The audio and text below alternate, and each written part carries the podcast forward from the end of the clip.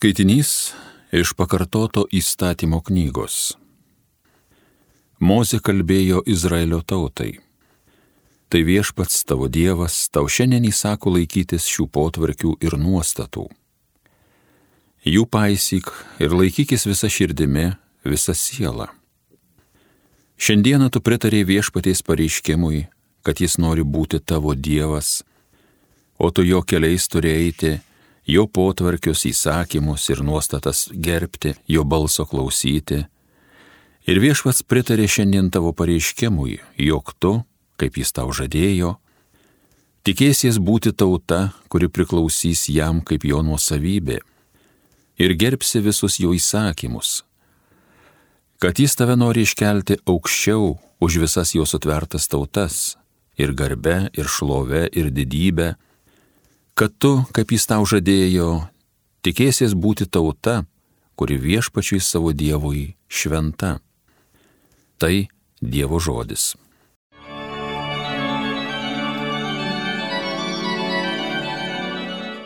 Laimingi, kurie pagal Dievo įsakymus eina. Laimingi, kurių nepeiktinas kelias, kurie pagal Dievo įsakymus eina. Laimingi, kas laikos jo žodžių, kas iširdies jo jo ilgis laimingi, kurie pagal Dievo įsakymus eina. Tu pats išleidai įsakymus Dieve, mes privalome tobulai jų laikytis, lai būna mano vienintelis kelias žiūrėti tavo valios. Laimingi, kurie pagal Dievo įsakymus eina. Grina širdimi tave šlovinti trokštų, nuosprendžius tavo pažinės. Priesakus tavo vykdyti noriu, tik tai neapleisk manęs niekad. Laimingi, kurie pagal Dievo įsakymus eina. Štai dabar palankus metas, štai dabar išganimo diena. Viešpat su jumis. Iš Ventosios Evangelijos pagal matą. Jūs esate girdėję, jog buvo pasakyta, mylėk savo artimą ir nekesk priešo. O aš jums sakau, mylėkite savo priešus ir melskitės už savo persekiotojus, kad būtumėte savo dangiškojo tėvo vaikai.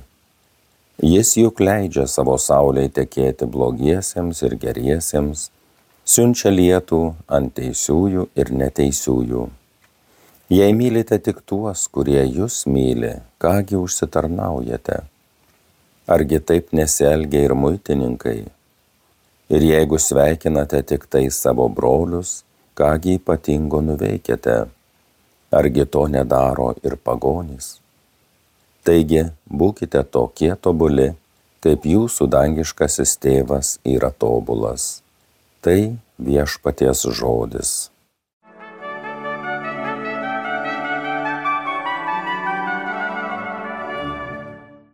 Mielas brolis sesė.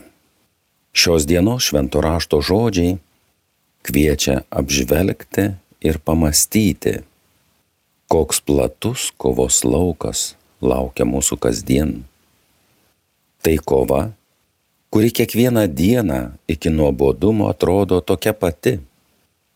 Bet turime suprasti, kad nuo mūsų dvasinės brandos priklauso kokiame lygyje kovojame.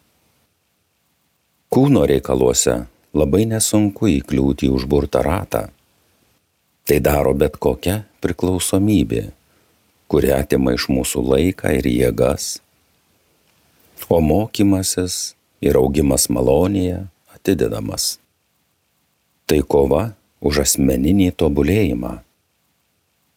O juk dar yra kova dėl kitų išganimo, tai yra dėl Evangelijos skelbimo.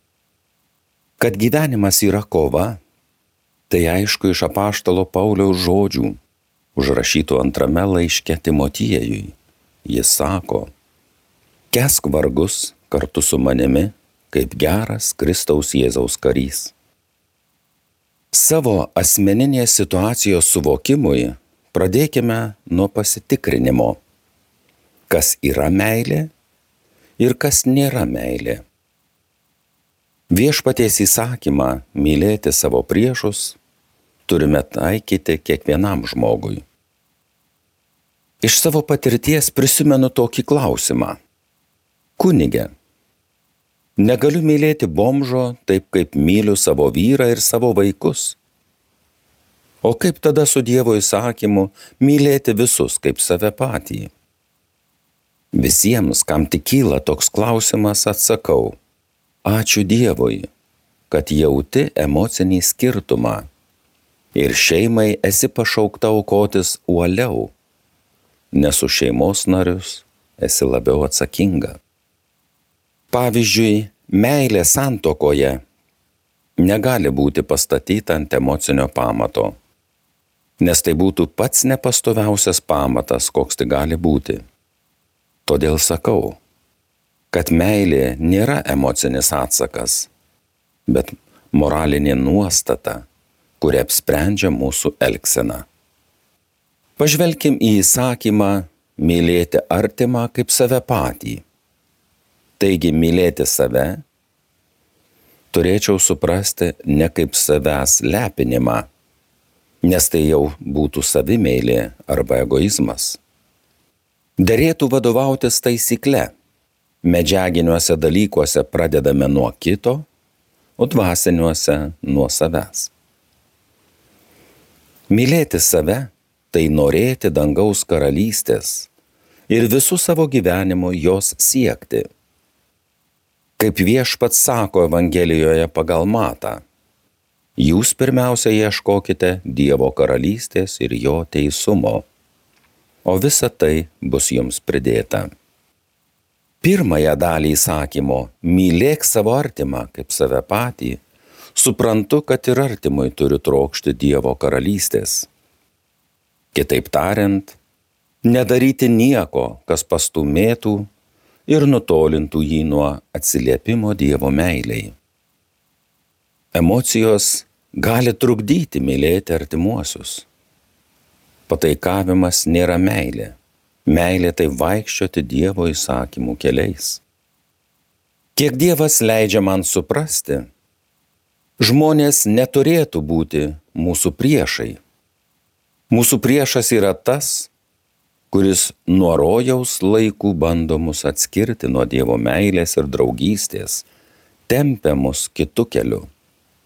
Juk viešpats net kentėdamas siaubingas kančias ir mirdamas ant kryžiaus nelaikė žmonių savo priešais ir jų nesunaikino. Jėzus mato, kad žmonės yra velnio suvedžioti.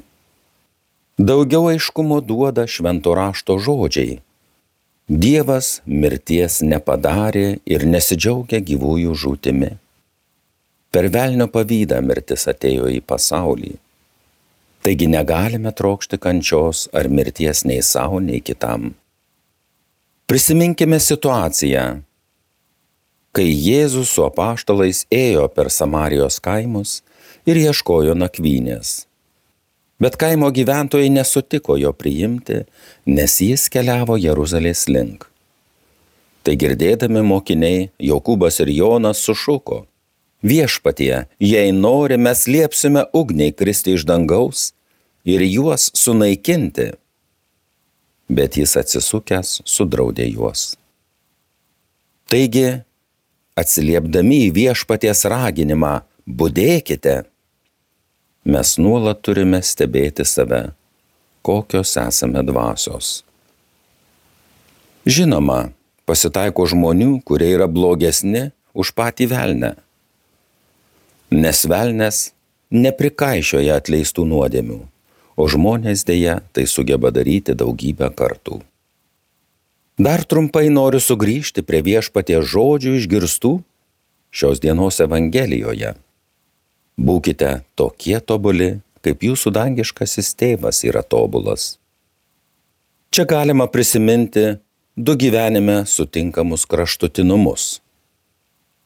Yra žmonių, kurie sako, aš nuodėmių nedarau. Kitaip tariant, paskelbė save šventaisiais. Ir nesvarbu, kokiais žodžiais tai įvardyja. Galutinis rezultatas aiškus - nuodėmių nedarantis žmogus yra šventas. Tai tokie žmonės, kurie mažai tesidomi kataliko pareigomis, O tie, kiek žino, jiems užtenka laikyti save geresniais už kitus ir savo patikti. Ir kitas kraštutinumas. Labiau besimeldžiantys žmonės, pažinę ir supratę, kiek daug gali tikintysis nuveikti ir kokias galimybės turi, sako, man šventu niekada nepavyks tapti. Kur ten? Pirmoji užuomina gal būtų teisinga kad mes savo jėgomis šventumo nepasieksime. Todėl ir turime kasdien melstį Dievo malonės, padaryti mus šventus. Dievas malonės teikia kiekvienam prašančiajam. Negali Dievas pažeisti laisvos valios ir prievartą varyti mus į dangų. Panašiai kaip atskridus mamai į lizdą, papenėti savo paukštelių. Jie plačiai pražioja snapelius ir gauna kiekvienas prašantis.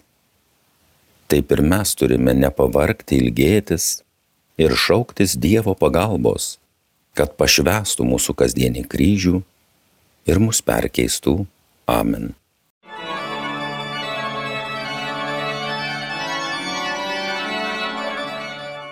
Evangeliją skaitė ir homiliją sakė brolis pranciškonas kunigas Antanas Grabnickas.